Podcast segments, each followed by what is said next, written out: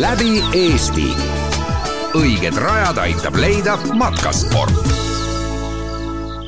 tere päevast, head raadiokuulajad, te kuulate Kuku raadio suvesaadet Läbi Eesti ning Läbi Eesti juhatab teid seekord saatejuhina Liis Laidmets.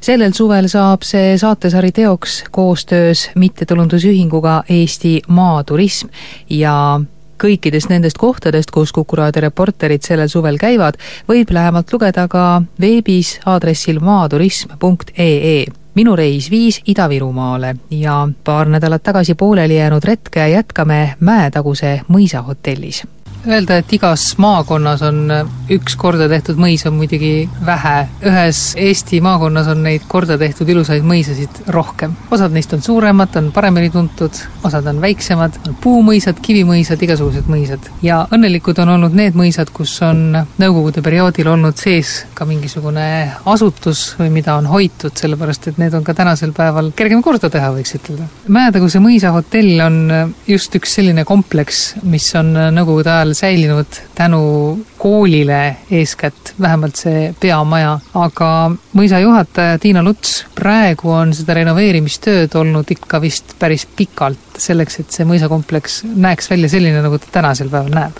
ja et äh, mõisakompleksi peamaja sai renoveeritud üheksakümne viiendal aastal pikalt seisid tühjadena ja varemetena siin asuvad kõrvalhooned, mis siis aastal kaks tuhat kuus sai Tall Tõllakuurist ehitatud hotell koos restoraniga, kaks tuhat kaheksa aastaks valmis supelmaja ja kaks tuhat kolmteist aasta valmis siis teises aidas laste käsitöömaja see on äh, hea näide, Terese kompleks nagu sellest, kuidasmoodi kogukond saab koos eksisteerida ja et mõisa ei ole ka nagu kaaperdatud siis ühele omanikule, vaid et see mõisakompleks on nagu jagatud ära erinevate osapoolte vahel, et on vallavalitsus, kool ja hotell. jah, täpselt nii ongi. ja üldise tervikuna kuulub ju kõik vallavalitsusele mis on Mäetaguse mõisahotellis see, mis teeb temast just nagu sellise erilise või, või niisuguse pärli või mida eelkõige nagu reklaamitakse selleks, et inimesi siia kutsuda?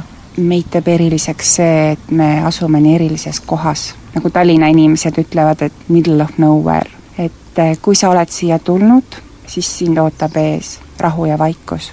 mõnus park, küllaga rohelust, talvel lund ja meid teeb eriliseks meie väike armas spaakompleks, kus siis saab nii romantikat nautida või perega mõnusalt aega viita ja see spa on avatud selles mõttes kõikidele, mitte ainult hotellikülastajatele? jaa, et spaasse saab tulla ka inimene väljaspool hotelli. aga kas eelkõige tullakse spa pärast just nüüd, kuna see on äh, viimasel ajal selline atraktsioon, või on hotell ise ka olnud piisavaks kohalekutsujaks või ütleme nii, et äh, ümbruses on lihtsalt nii palju teha, et äh, kusagil tuleb ööbida, kui tahad pikemalt olla? ei, ikka tullakse hotelli enda pärast ka, et suvel on väga populaarne pidada pulmasid et meil hakkabki nüüd kohe-kohe pulmahooaeg, iga nädalavahetus on pulmad. talviti on meie põhikliendiks äriklient, kes nädala sees siin majutub ja meil on väga hea läbi viia koolitusi, kuna meil on kaheksa erinevat seminariruumi erineva suurusega aga need koolitused toimuvad ka peamiselt nii-öelda nagu talveperioodil või ka suvisel turismihooajal ikkagi tullakse selle pärast? koolitusperiood hakkab pihta sügisel kuni kevadeni, aga suvel on ikkagi turismi kõrghooaeg, turismigrupid ja pulmad. suveks on pulmadega nagu selles mõttes ühel pool, et enam vaba nädalavahetust ei ole? ei ole ühtegi vaba nädalavahetust, kõik on ära broneeritud sügiseni välja. aga muul ajal võib ikka tulla muul ajal veel mõned kohad on nädala sees. mõne sõna võiks rääkida ehk ka nendest inimestest, kes omal ajal tegid sellest mõisast sellise, nagu ta on, ehk siis eh, viimased omanikud, pikaaegsed omanikud on Rosenid. jaa, viimased kolm sajandit kuulus mõis perekond von Rosenitele. teadaolevaid on Roseneid eh, kahte liiki, nii punaseid kui valgeid. meie Mäetaguse mõisa Rosenid siis on pärit Taanist ja nemad on punase liini esindajad ja viimane Roseni järeltulija oli väga kunstilembeline, teatrilembeline, arhitektuurilembeline, tema visiooni järgi siis on ehitatud see ja kujundatud ja restaureeritud ja renoveeritud meie mõisa peamaja ja tema juurde kuuluvad hooned ja milles see tema kunstilembus siis muidu väljendus, kas ta kuidagi soosis siis ka igasuguseid niisuguseid tegevusi? jaa, ta kutsus äh, endale külla erinevaid teatritruppe, muusikuid, keda ta siis tavatses kas ülevalt rõdult vaadata või tuli alla ise nendega suhtlema, vaatama, kuulama. ja ta ise lõi ka teatri tegemistes kaasa koos oma perega, väga huvitavad parunid olid kes need inimesed peamiselt on, kes siia tulevad, te ütlesite, et talvel ärikliendid ja suvel pulmad, aga kas on ka vahet kohtadel, kust nad tulevad? põhiklient on meil Eestimaa inimene, tuleb Venemaa klient, kolmandal kohal on Soome klient ja neljandal kohal on Läti klient. no kui eestlased tõenäoliselt tulevad võib-olla rohkem pulmi pidama et mida need ülejäänud rahvad siin teevad? Venemaa klient puhkab, kuna nemad leiavad, et Peterburist siia sõita on väga lühike maa, ja nemad tulevadki siia vaikust nautima. aga soomlased, lätlased? soomlased, lätlased tulevad Eestimaad avastama ja on nagu läbisõidul. peatuvad siin üks-kaks ööd ja sõidavad edasi. Ida-Virumaal on hakanud tulema turisti rohkem kui varem. on hakatud avastama erinevaid spaasid, hotelle, huvitavaid puhkekeskuseid ja on hakatud vähem kartma Ida-Virumaad sest nagu on tulnud välja suhtluses klientidega, et nagu väike pelgus on selle Ida-Virumaa ees. ja kui nad on juba siia kohale jõudnud, siis ütlevad, et oi, teil on nii tore, miks me siia varem ei jõudnud üks asi on see, et tegelikult on ju Mäetaguse üleüldse selline vaikne, rahulik ja roheline paik, aga ise te ka soovitate mingisuguseid mitmeid matkaradu, näiteks võib ka Selisoole minna, nii et kohti on? jaa, et Selisoo on meil tõesti siinsamas lähedal, Selisoo matka võib ette võtta koos giidiga, tuleb väike rühm, läheb koos giidiga rabamatkale. aga võib ka üksi minna? no kui ei karda inimene, siis võib ka üksinda minna ühel korralikul äh, hotellil, eriti kui ta on ilus mõisahotell, muidugi peab olema korralik toitlustus ka. viimase aja üks niisugune koostegemise vorm on ka toidutee ja Mäetaguse mõisahotell on ka üks toidutee peatuspunkte. ja et me oleme Maaturismiühingu liikmed ja Maaturismiühingu kaudu on siis loodud Toidutee, mille liikmed me oleme. ongi eesmärk pakkuda kliendile eestimaisest toorainest tehtud toitu, mis siis kasvab siinsamas meie lähiümbruses köögivili või jookseb äh, siinsamas meie metsades metsloomatulukid, keda me ostame jahimeestelt. nii et see, mis siin köögis pakutakse, see on äh, kohalik toit? jah, see on kohalik toit. Mädaguse mõisahotell on üks ilus koht, kus on äh, võimalik puhata ka mitte midagi tehes, aga on võimalik ka aega veeta kas või siin ümbruses äh, ringi vaadates. kui kutsuda inimest siia, mida te kõige rohkem soovitaksite või mida te ütleksite, miks peaks tulema? inimene, kes tuleb siia puhkama ja lisaks spa-mõnudele tahab ka väljas oma aega veeta, saab ta rentida jalgrattaid käimiskeppe, talvisel ajal suuskasid. ekstreemsuste otsijatele aitame korraldada ATV matkaid, kes soovib loodust nautida, saab samuti rabamatkale minna või siinsamas pargis rahulikult mängida discgolfi. läbi Eesti. õiged rajad aitab leida matkasport mitmed inimesed on tõdenud, et Eesti maastikul ei näe enam suuri loomakarju. Ida-Virumaal on selleks tegelikult mitmeid võimalusi, aga päris mitmekesine loomapark on Konju mõisatalus. Eestis on mõned kitsefarmid, aga kõige suurem Eesti kitsefarm asub Ida-Virumaal, see on Konju mõisa talu ja talu tekkimisel on päris pikk eellugu. aga peremees Martin Repinski, kui ei oleks teie vanemaid, siis ilmselt seda Konju mõisa talu praegu vist ei oleks ka või? jah, selles mõttes küll, et meil vanemad töötasid muidu Kohtla-Järve, ema töötas nitrofeertehases, isa töötas kaevanduses ja see oli vist tuhat üheksasada üheksakümmend üheksa aasta ja kui oli järjekordne kriis ja nad kaotasid oma töö ja ja otsustasid, et vahetavad linna korteri maa, mae vastu ja ostsid sellised väikese talu, esimene loom, keda osteti, oli kits, sellepärast õde oli haige, tal oli allergia väga tugev ja teadi, et kitsepiimaga saab ravida. siis raviti niimoodi ja see jäi mul lihtsalt meelde ja pärast, kui ma juba otsustasin, mis äriga tegeleda, siis jõudsingi kitsepiima juurde. Ma nägin, kui raske see talutöö on, sest meil oli selline traditsiooniline Eesti talu, võib niimoodi öelda, et pool maja oli laud pool maja oli elamu ja meil oli kokkuvõttes maksimaalselt oli viis lehma ja oli umbes kümme kitse. kunagi ei saanud puhata, sest elasime praktiliselt samas kohas ja tundsime, et kogu aeg oleme tööl. juba tol ajal ma mõtlesin, et kindlasti ei hakka tegelema põllumajandusega, et see on nii raske ja parem valin mingi teine tee. aga kui ma lõpetasin ametikooli keevitaja erialal, siis ma läksin Saksamaale töötama, aga ambitsioonid ei lubanud mul edasi töötada kuskil, ma tahtsin oma äri alustada ja samas ma mõtlesin, et kui ma saan näiteks viiekümne aastaseks, siis ma vaatan tagasi ja hakkan mõtlema, et võib-olla peaks kolmkümmend aastat tagasi mingi äri alustada. ma kindlasti tahan elada Ida-Virumaal, sest mulle siin meeldis ja kui ma Saksamaal töötasin, siis ma igal öösel mõtlesin sellest, et kui ma tulen tagasi Eestisse, ma tulen siia ja, ja enam ei lähe kuhugi, et noh, tahtsin kindlasti siin olla. mis see selline kaup või teenus võib olla, mida teised keegi ei paku, mis oleks selline uus ja originaalne, et ei peaks kellegagi konkureerima. jõudsingi kitsepiimale, sellepärast et teadsin, et see on tervislik, kui see on tehtud tehnoloogia järgi, kui piim on kvaliteetne, siis ta on absoluutselt praktiliselt samasugune nagu lehmapiim. tuleb need asjad kokku panna ja alustada ja tegingi niimoodi. algusest peale on olnud palju loomi või et praegu neid on sadades kitsi, lehmi on sadakond no kui alustasin, siis ma sain vanemate käest viis lehma ja kümme kitse umbes. ja siis ma hakkasin esialgu kokku ostma neid üle Eesti ja niimoodi see kari kasvas, kasvas vaikselt, aga kolm aastat tagasi, kui ma sain juba noortaluniku toetust, sain siis ostetud Lätist olid sellised puhtad tõulised, korralikud kitsed, kes annavad ka piima palju rohkem kui tavaliselt ja nende piima kvaliteet on ka parem. kas peab veremees teadma ka täpselt, kuidas see piim valmib, kuidas seda tuleb teha ja nii edasi või selleks on teised inimesed, et tuleb lihtsalt vaadata, et oleks neil tööd? no ma arvan, et kui oleks juba väga suur farm, nii nagu näiteks minu unistuses ma tahan, et tulevikus oleks kümme tuhat kitse, siis juba võib-olla ei pea, siis saab olla, peremees saab olla igaüks, kes oskab juhtida, kes oskab inimestega suhelda ja nii edasi edasi. aga meil on ikka suhteliselt väike ja selline kodune koht ja ikka pean teadma kõike ja sellepärast, et tihti tekivad sellised küsimused, mida on vaja kohe lahendada ja kui sa ei tea, kui sa hakkad kuskilt otsima, siis aeg on juba möödunud ja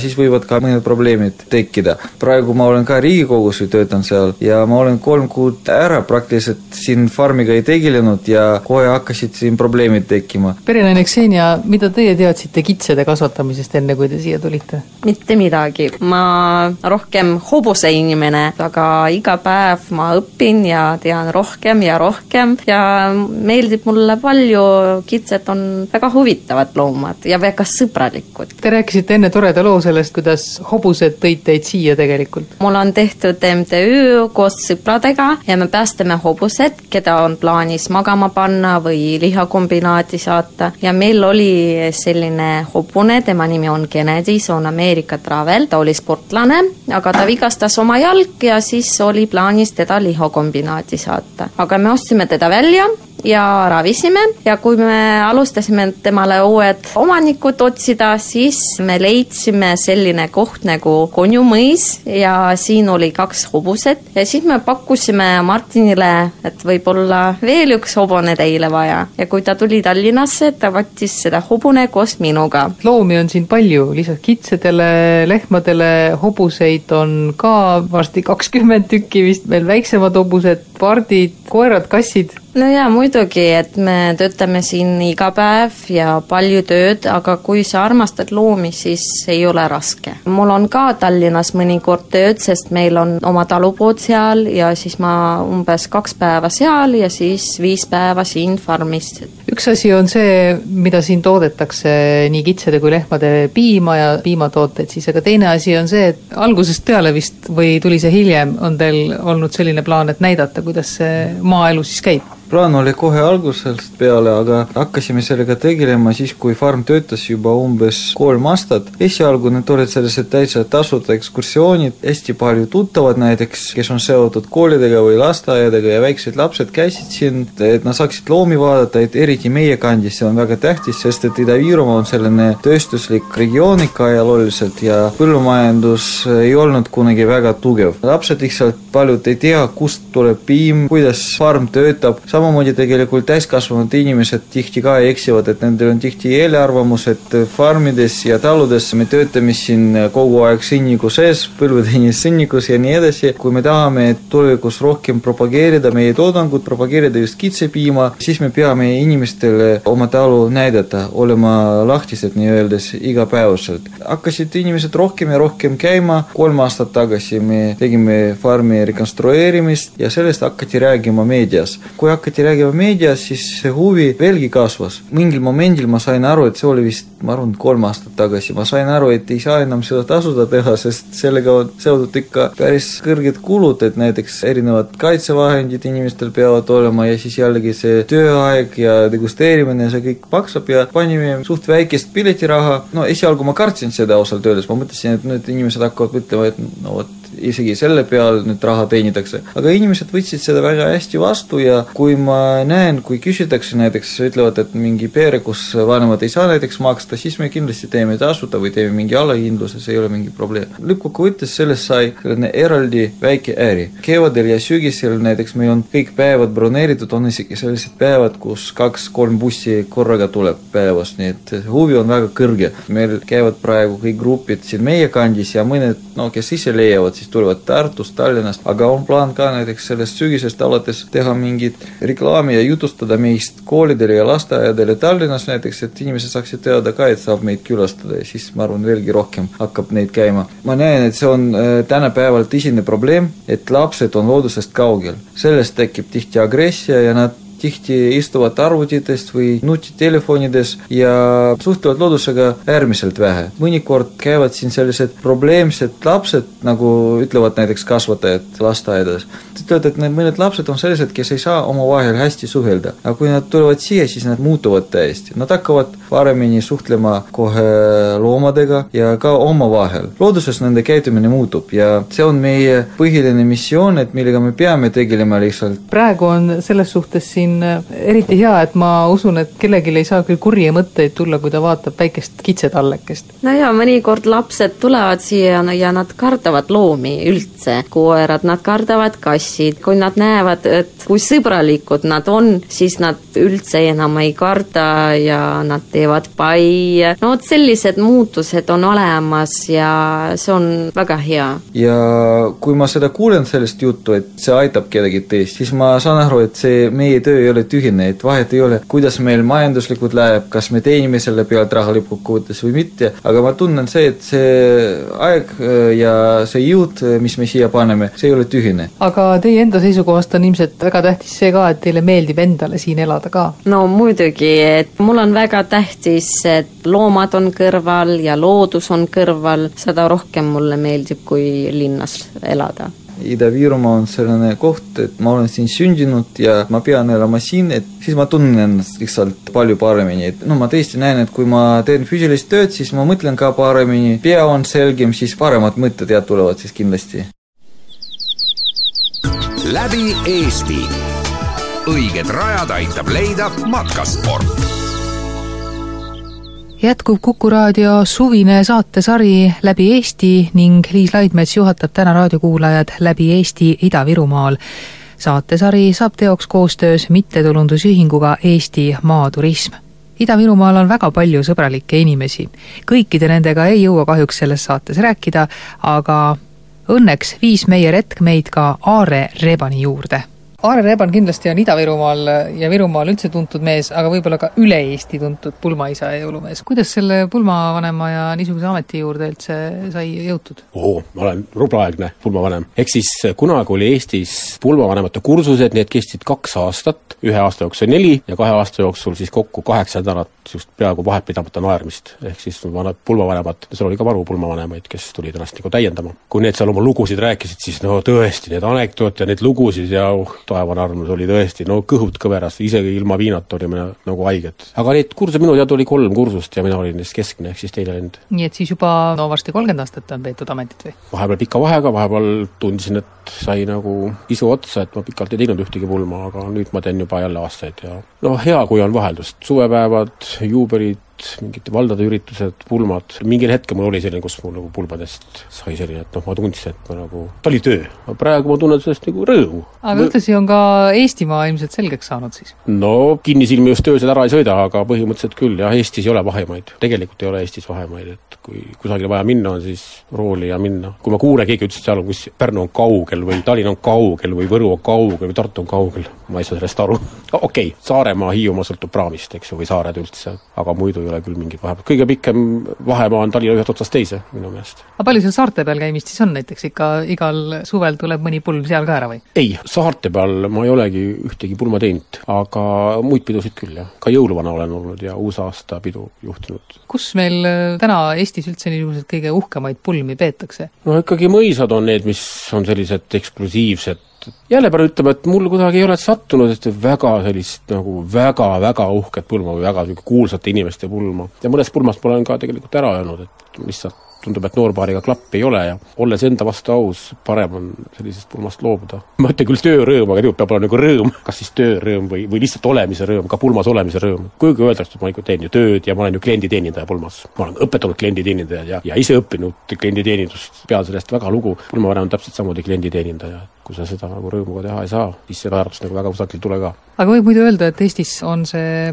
pidutsemine või, või, või selline koosolemine, kus on parajasti mingisugust juhti ka vaja, nii heal tasemel olemas, et ühesõnaga seda tööd on nii palju, et saab ilusti teha? kokkuvõttes ei kurda, inimesed ikkagi on saanud sellest aru, et mingis mõttes on nagu lihtsam ja kindlam, kui keegi on see, kes vastutab ja peopidaja ise ei ole see inimene, kes peo eest vastutab. kuivõrd Eestimaa on väike, et siis ei ole ka tegelikult olulist vahet vist, kus nagu elada parajasti? mina olen sattunud siia elama jah, ma isegi ei tea, miks. ega väga vahet ei ole, noh, võib öelda küll, et pisut suurem osa mu tööst on Ida-Virumaal, aga Eesti on suhteliselt lahti jah, ja olen sattunud ka piiri taha mõnikord tööd tegema, et Eesti pole sugugi piir ja elamine, kus ma elan, ega selle töö puhul nagu väga olulist märki küll ei ole. piiri taga, see tähendab siis ida poole või lääne poole? nii ja naa, ma olen käinud jõulumalas Kaliningradis, seal oli üks suur aktsioon Nastojaši Santa Claus в гостях у Деда Мороза, mina olin siis Nastojaši Santa Claus, kes pidi siis, kui lennuk maandus Kaliningradis, pidi rääkima siis ainult inglise keelt, aga siis pärast selgus koha pealt ma räägin ka soome keelt, siis nad olid, korraldaja oli nii häppi, et sest osad naljad olid planeeritud nagu stsenaariumis ka soomekeelsed. peaauhind oli reis Rovaniemisse, et siis nad olid täitsa lõpp, et nad jõudnud selle peale küsida, kas ma soome keelt ka räägin. noh, ma ei ole küll viis pluss, aga ütleme, et kolm pluss räägin ära.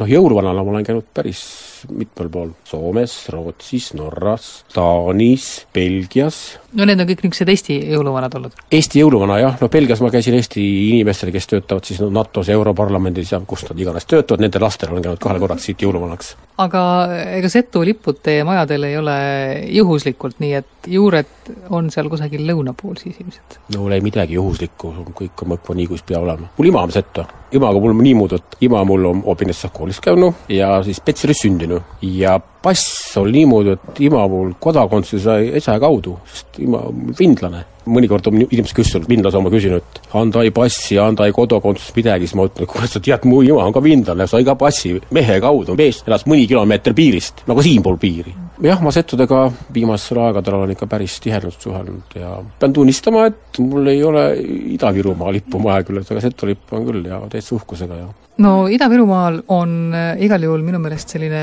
ettevõtlike inimeste esiletõus või eks nad muidugi tõusevad kogu aeg esile, need ettevõtlikud inimesed, aga Ida-Virumaa praegu kuidagi nagu kerkib esile üldiselt. ma ei taha ka väga uhkustada, et me oleme paremad kui teised, aga kui laul ütleb, et eestlane olla uhke ja hea, siis praegu tundub, et virumaalane olla ka on ikkagi päris mõnus jah, et kogu Ida-Virumaal läheb põhimõtteliselt ikkagi hästi, eks ju, aga eks neid muresid on meilgi palju ja igal pool on palju ja me kõiki muresid ei teagi, mida teised inimesed teavad. põhimõtteliselt ega naabri aeda ju väga täpselt ei tea, mis, mis mured seal on. ütleme nii, et inimestel on ühed mured, valitsusel on teised mured. ka omavalitsustel on teised mured tihtilugu, et no Ida-Virumaal muidugi, ütleme, kui veel sinna ida poole minna, siit Jõhvist edasi, päris Narva välja, siis sealsed inimesed vist ikka arvavad, et valitsusel on ikka hoopis teised mured kui nendel. no seda küll, tuleb Narvaga seoses, ma olen Narvas töötanud baarmanina mitu aastat ja mure oli kogu aeg, et no ei ole praktikat, no ei ole jälle praktikat. ja siis kokad, kellega ma koos töötasin, kahe kuuga põhimõtteliselt õppisid ära selgeks eesti keele töö piires. kõik toitude nimed, serveerimismoodused,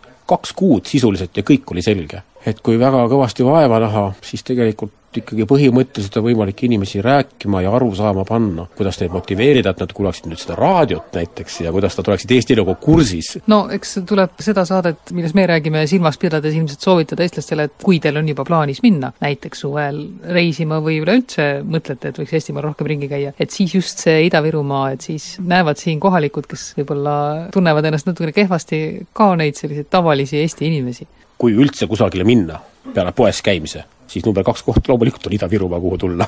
eriti seetõttu, et Ida-Virumaa on jäänud tohutu sammu tegelikult edasi, mida kõik meil on avatud, mis kohad meil töötavad, kõigepealt võtame ette neid kohad, mis nagu, nagu väga ei tööta, aga mis lihtsalt on, seesama Kurtna, seesama Peipsi järv, Narva-Jõesuu, uskumatult lahedad kohad, tegelikult toimivad peaaegu nagu iseenesest aga kui me vaatame neid kohti, mis siis, milleks tuleb vaeva näha, et nad toimiksid, seesama kaevandusmuuseum sellel aastal on täiesti uues kuues. siis meie Jõhvi kontserdimaja, kes pole veel sattunud, olge mõistlikud, astuge läbi, Jõhvi kontserdimajas on see ampluaa oluliselt laiem kui teistes kontserdimajades Eestis. siis meie Kiviõli talvisel ajal ja ka suvel on ju väga äge. nojah, rääkimata veel Kuremäe kloostrist või, või, või millest see, iganes.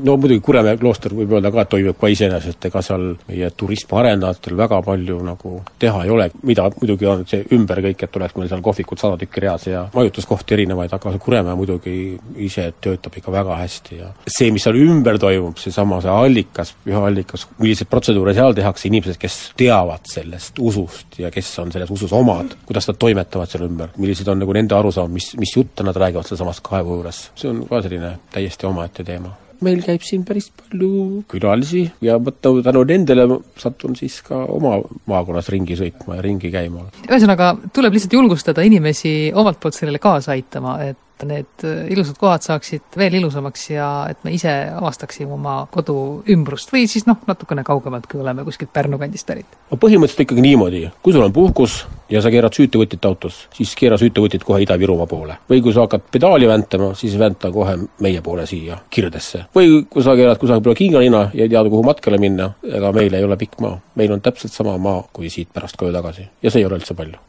kes tahab Aare Rebaniga oma juttu jätkata või soovib teda kutsuda näiteks oma pulma, oma sünnipäevale või mõnele teisele üritusele, see võib vaadata ka aadressil www.aare.ee. läbi Eesti. õiged rajad aitab leida matkasport Ida-Virumaal leiab maastikupildis ka sellist, mida kusagil mujal Eestis ei ole, need on tuhamäed vanu kaevanduspiirkondi on Ida-Virumaal aga ümber töötatud ja ümber ehitatud ning antud neile hoopis uus funktsioon. samamoodi on tehtud ka Kiviõli tuhamäel. Ida-Virumaal on sellised kõrged inimtekkelised mäed, et kui sa neid näed, siis sa tead, et sa oled Ida-Virumaal mingisuguses kohas. vähemalt Kiviõli juures küll, Kiviõli kohal kõrgub Kiviõli vana tuhamägi juba aastakümneid ja ettevõtlikud noored inimesed on kasutanud seda ära hoopis teistel eesmärkidel ja Kiviõli seikluskeskus on vist avatud aastaringselt või? Madis Olt on üks selle eestvedajatest ja tänaseks me oleme aastaringselt avatud tõepoolest, et põhi nagu tegevuskoormus on loomulikult talvel, teenindame mäesuusatajaid ja lumelaudureid ja talviseid distsipliine nii-öelda. suvel on meil ka kolm-neli atraktsiooni avatud, et tõsi jah, siis külastatavus ei ole täna nii suur, kui me võib-olla sooviksime, et aga kokkuvõttes me oleme jah, aasta ringi avatud. no kui kõrge see mägi on, et kui hea liu siit näiteks talvel saab? meil on siin nõlvad alates neljasajast meetrist kuni seitsmesaja meetrini ja õnneks on see mägi omal ajal siis niimoodi kokku kuhjatud, et nüüd see laskumine liikumise nurk ja pikkus on hästi heas suhtes omavahel, et siin saavad algajad väga hästi õppida ja need, kes oskavad sõita, saavad väga kiiresti sõita ja oma oskuseid proovile panna, et nii-öelda oskajad suusatajad, kes meil on käinud, on ka väga rahul olnud. me ei pea, ma arvan, sellises ka kuni Kesk-Soome kontekstis võrdluses siin mitte midagi häbenema, et mis funktsiooni me võime täita ja ka kindlasti täidame, on see, et Eesti suusahuviline ei pea siis nii agaralt Soomes käima, et ta saab üsna palju oma vajadustest siis meie mäe peal nagu täidetud. tuleb ida poolt ka Venemaalt? enne neid keerulisi aegu oli see huvi päris suur jah, et siin Peterburist sooviti hakata koolide gruppe iga nädalavahetus tooma ja, ja siin olid mitmed sellised nagu projektid olid käivitumas, kus näidati sealtpoolt tugevat huvi üles, aga, aga siis poliitiline olukord järsku muutus ja see suund on ikkagi hästi-hästi tagasihoidlik. kuulsin, et ega selle seikluskeskuse raja vedamine nii hõlbus ei olnud, et tuli võtta ja teeme ära ja kõik kohe ütlesidki, et väga hea, tehke muidugi ja me aitame teid, et endal tuli ikka päris palju vaeva näha? jaa, jaa, ei see on olnud kordades keerulisem, kui me ise, ise alguses arvata oskasime, et eks ta on hästi keeruline objekt, et õnneks me alguses olime hästi noored ja hästi uljad ja see on meid palju aidanud. aga ta on ju keskkonna aspektist väga keeruline objekt, tegemist on ju topeltprügimäega, et Suusamägi on ju tööstusprügila ja kogu see teenuste keskus ja, ja teenindushooned ja siin all, see on ju endine Kiviõli linna olmeprügila. prügilate peale rajada meelelahutuskeskus, arusaamine ja usk sellesse erinevates ametkondades ja institutsioonides võttis ikkagi aega, jah me oleme pidanud kõik need riskid läbi analüüsima, uurima, mägi on sisuliselt erinevaid andureid täis, eks ole, et, et seirata temperatuuri, et seirata erinevaid geotehnilisi protsesse. see info kõik tahtis kogumist ja, ja analüüsimist ja arusaamist, et jah, neid tegevusi ikkagi võib teha, mida me siin tahame teha. ja, ja sinna juurde nüüd siis lisaks keskkonnariskile on ka väga tugev ju ikkagi majanduslik risk, et tänu siis Euroopa Liidu tõukerahadele sai seda majandusriski ka siis oluliselt lahjendatud, et erarahadega sellist keskkonda keskust ei oleks rajatud, see on selge. Aga praegu on, ütleme, mägi nii-öelda rahulik, et selle koha pealt mingisugust jama ei ole karta? mägi on piisavalt rahulik, jah, aga ta ei ole lõpuni rahulik ja me ei ole selle üle üldse kurvad ega murelikud, et mägi on seest soe. aga need protsessid on arusaadavad, mis seal toimub, need protsessid on suuresti ka kontrollitud ja me kasutame neid protsesse teistpidi ka ära, et me seda mäesoojust kasutame keskuse peahoone kütmiseks. kas seda soojust jääb seal üle ka, nii et võiks kellelegi teisele ka veel põhimõtteliselt jagada? seda soojust on seal väga palju, lihtsalt eks see on ka meie jaoks täna suur õppimine, et kuidas seda soojust siis targalt nii-öelda välja võtta, et seal on jah, teatud määral sellised inertsed protsessid, et kui teda hästi järsku ja hästi korraga nii-öelda siis soojusvahetitega välja imeda, siis, siis jälle see mägi jahtub nende torude ümber, siis peab jälle ootama, millal see soojus nagu tagasi tuleb ja seal on sellised huvitavad protsessid, mille osas jällegi väga palju kogemust ei ole ja, ja eks siis üks päev näeb, et kui me oskame seda hästi targalt ja õige rütmiga seda sooja sealt võtta, siis, siis võib-olla saab veel mõned majad ära kütta. millised need suvised võimalused siin on sealt mäelt alla tulemiseks? suvel on jah, nüüd on siis jah, eraisiku jaoks on meil kolm sellist põhiteenust siin ja on see mägiautodega sõitmine, nii-öelda näevad välja nagu kardid, need autod, neil ei ole mootorit, rool ja pidur ja, ja nii-öelda turvarakmed ja turvaraamid ja suusatõstukiga vinnatakse need autod mäe otsa ja siis tulevad juba vastavalt siis meie poolt kujundatud rajale sealt mäe otsast alla. igal autol on aja fikseerimiseks andur küljes, me fikseerime kõik ringi ajad, see on selline üsna populaarne kaup, jah. teine siis, mis me saime eelmine aasta käima, on trosslaskumine, mis on siis oma pikkuse ja, ja laskumisnurga poolest jälle konkurentsitult ma ütleks ikka kõige võimsam siin lähiriikides, et kui pikk ta on? ta on kuussada meetrit ja kõrguste vahe on kaheksakümmend meetrit. ütleme, see atraktsioon ikkagi liigutab kümnest inimesest üheksat. meile endale meeldib see atraktsioon väga ja no seal peaks ka kiirusemõõtur peal olema või kui suure hoo sisse saab? jaa, me oleme mõõtnud neid kiiruseid, jah, meil nii-öelda standardvarustuses me kellelegi kiirusemõõturit taskusse ei pane, aga tänapäeval on äh, igasugused sidevahendid juba nii moodsad, et saab alla laadida erinevaid mõõtureid, et sõltub siis oludest jah, kehakaalust, tuule suunast ja kuuskümmend kuni kaheksakümmend kilomeetrit tunnis on need tippkiirused, et need on päris arvestatavad, jah. aga nagu öeldud, tegu on populaarse atraktsiooniga ja noh, kui kiirused meeldivad, siis ilmselt on see üks kõige niisugune hõlp hõlpsam võimalus ka, kiirust nagu kõige ehedamalt kogeda. jaa, siin on nagu kaks asja, jah, siin on kiirus ja siin on kõrgus ka, et siit saab mõnusa elamuse kindlasti kätte ja mis see kolmas võimalus on? pagisafarid, et nendega meil on siin metsas ja karjääris erineva pikkusega marsruudid paigas, aga noh, see on nüüd atraktsioon, mida me peame nii-öelda, need on etteteatamisega, et me peame teadma, et mingi ports inimesi tahab tulla ja siis, siis lepime ajad kokku ja pagisafarid on pigem võib-olla rohkem kasutuses korporatiivklientidega, et ettevõtted on meil hästi teretulnud ja, ja õnneks üha rohkem neid siin käib, käivad oma seminare pidamas, õppepäevi, kliendipäevi, suvepäevi, meil on sellised mõnusad kvaliteetsed seminarivõima-, võimalused ja samas need atraktsioonid, mis me sinna seminaripäevale lisada saame, on, on sellised mõnusalt nagu teravad ja äratavad. vahepeal taustahelist on kuulda, et muusika hakkas mängima, järelikult hakkab keskus oma uksi avama ja selja tagant tuhises ka vist sellesama trossi peal keegi mööda, et see teeb päris arvestatavat niisugust lennuki häält ka.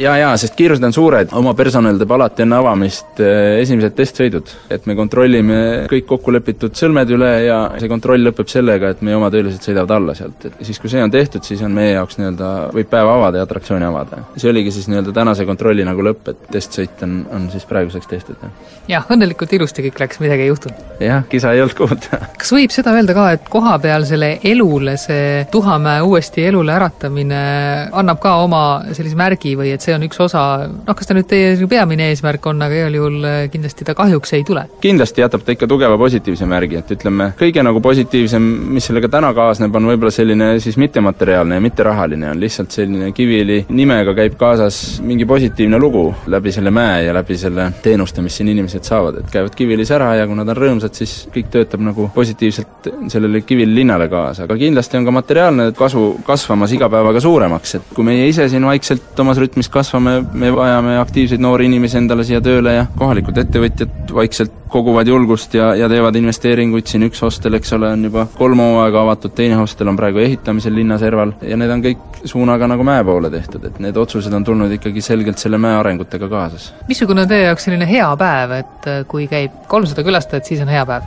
siin ongi nüüd suvi ja talv on nagu erinevad, et talvel nädalavahetustel teenindame reeglina viitsadat kuni seitsesadat inimest päevas. suvel on teised numbrid, et suvel me toimetame kuskil seal nädalavahetusel võib-olla saja inimese ümber päevas, jah. me oleme neljapäevast pühapäevani suvel avatud. talvel oleme seitse päeva nädalas, aga suvel oleme neljapäevast pühapäevani. keskuse kogu arenguid silmas pidades meie väljakutse on selgelt suveteenuste nagu edasiarendamine, et meil on ikkagi selge siht, et me tahaksime näha suvel vähemalt sama suuri külastajate numbreid nagu talvel, et see tähendab seda, et me peame oma teenuste ringi oluliselt laiendama, et täna me sellega tegeleme, et oleme siis ette valmistamas projektplaani sellise suvise perepargi rajamiseks, et see on täna meil, meil nagu töös, et ma arvan, see võtab nüüd mõni aasta aega ja siis, siis me oleme suvel ka piisavalt atraktiivsed, me tahaks olla atraktiivsed nagu pereformaadil, et kui tuleb pere lastega, lapsed seal kolm kuni kolmteist aastat, siis on kõigil midagi teha, on lastel teha ja on lapsevanematel teha, et pigem meil on täna lapsevanemate jaoks sellised ägedad atraktsioonid, et meil on nüüd vaja laste asjad nagu juurde pitkida, et see suvi, suvi ka nagu massidesse tuua. selline oli minu reis sellel suvel Ida-Virumaal. kui tunnete maaturismi vastu lähemat huvi, siis aadressil maaturism.ee saab lugeda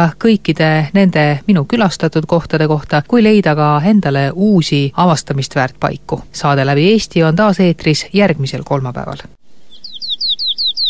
läbi Eesti. õiged rajad aitab leida matkasport